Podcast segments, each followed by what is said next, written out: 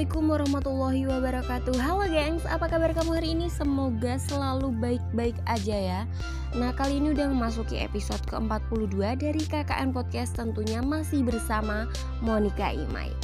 Nah gengs, episode 42 ini aku bakalan ajakin kamu untuk bahas tentang fear of missing out Atau rasa takut ketinggalan hal baru gengs Nah, kata FOMO sendiri uh, tidak asing lagi dong bagi telinga kita dengan kalimat jika di Indonesia itu biasanya disebut dengan kecanduan media sosial. Karena di sini kasusnya orang yang menderita FOMO ini, gengs, cenderung akan membuka setiap saat media sosialnya, gengs. Baik bangun tidur, akan tidur ataupun saat makan siang, seseorang dengan FOMO ini akan terus-menerus mengecek smartphone-nya guna melihat hal baru di media sosialnya, gengs.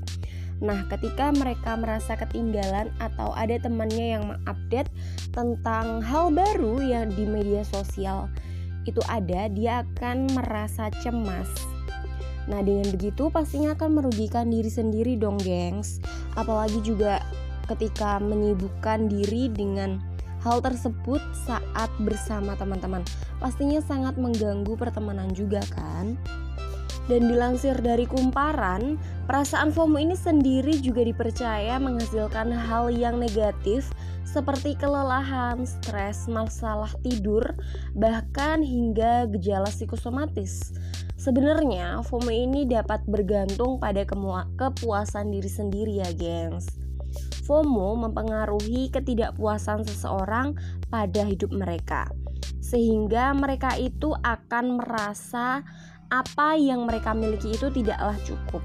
Selain itu, FOMO juga memicu perasaan negatif seperti kebosanan dan juga kesepian yang memiliki dampak buruk pada psikologi seseorang, gengs.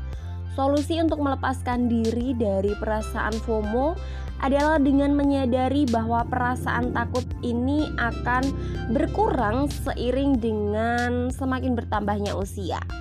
Semakin bertambahnya usia kan pasti kita juga akan semakin menyadari bahwa perasaan FOMO tersebut uh, tidak bisa dinikmati setiap waktu kan, gengs.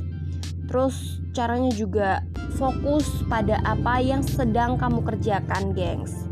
Nah, kalau misalnya kamu fokus sama yang kamu kerjakan, pastinya nggak akan nih kamu bentar-bentar cek smartphone ataupun kamu cek story teman-teman tentang hal baru dan kamu juga nggak harus takut tentang kegiatan yang mereka lakukan itu membuatmu ketinggalan, gengs. Karena memang uh, hakikatnya setiap manusia itu uh, tidak harus menjadi garda terdepan tentang hal baru, gengs.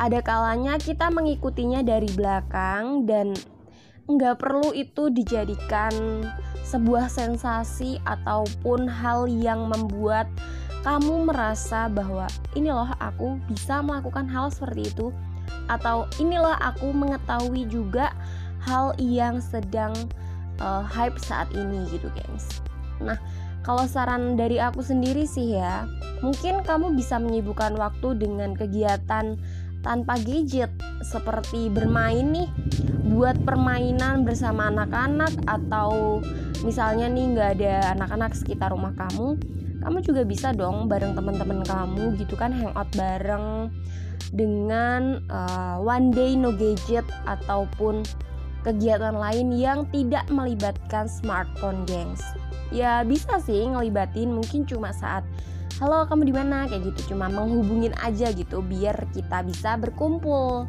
Kayak gitu geng saran dari aku. Nah kalau misalnya kamu sudah uh, terlibat dalam perasaan FOMO ini kamu bisa juga konsultasi ke psikolog lo gengs. Karena di psikolog itu kita bukan hanya konsultasi tentang kejiwaan tapi juga perasaan-perasaan gak enak semuanya yang ada di diri kamu kamu bisa luapkan di situ gengs. Oke sekian dari aku. Informasi yang aku berikan hanya uh, sekilas. Nanti kalau misalnya kamu mau dapatkan informasi lebih lanjut bisa hubungin ke aku ataupun cari informasi lanjutan ke orang yang lebih memahami tentang FOMO ini, gengs. Sekian, terima kasih udah dengerin. Mohon maaf bila ada kata-kata yang salah dan kenali dirimu untuk mengenal Tuhanmu. Wassalamualaikum warahmatullahi wabarakatuh.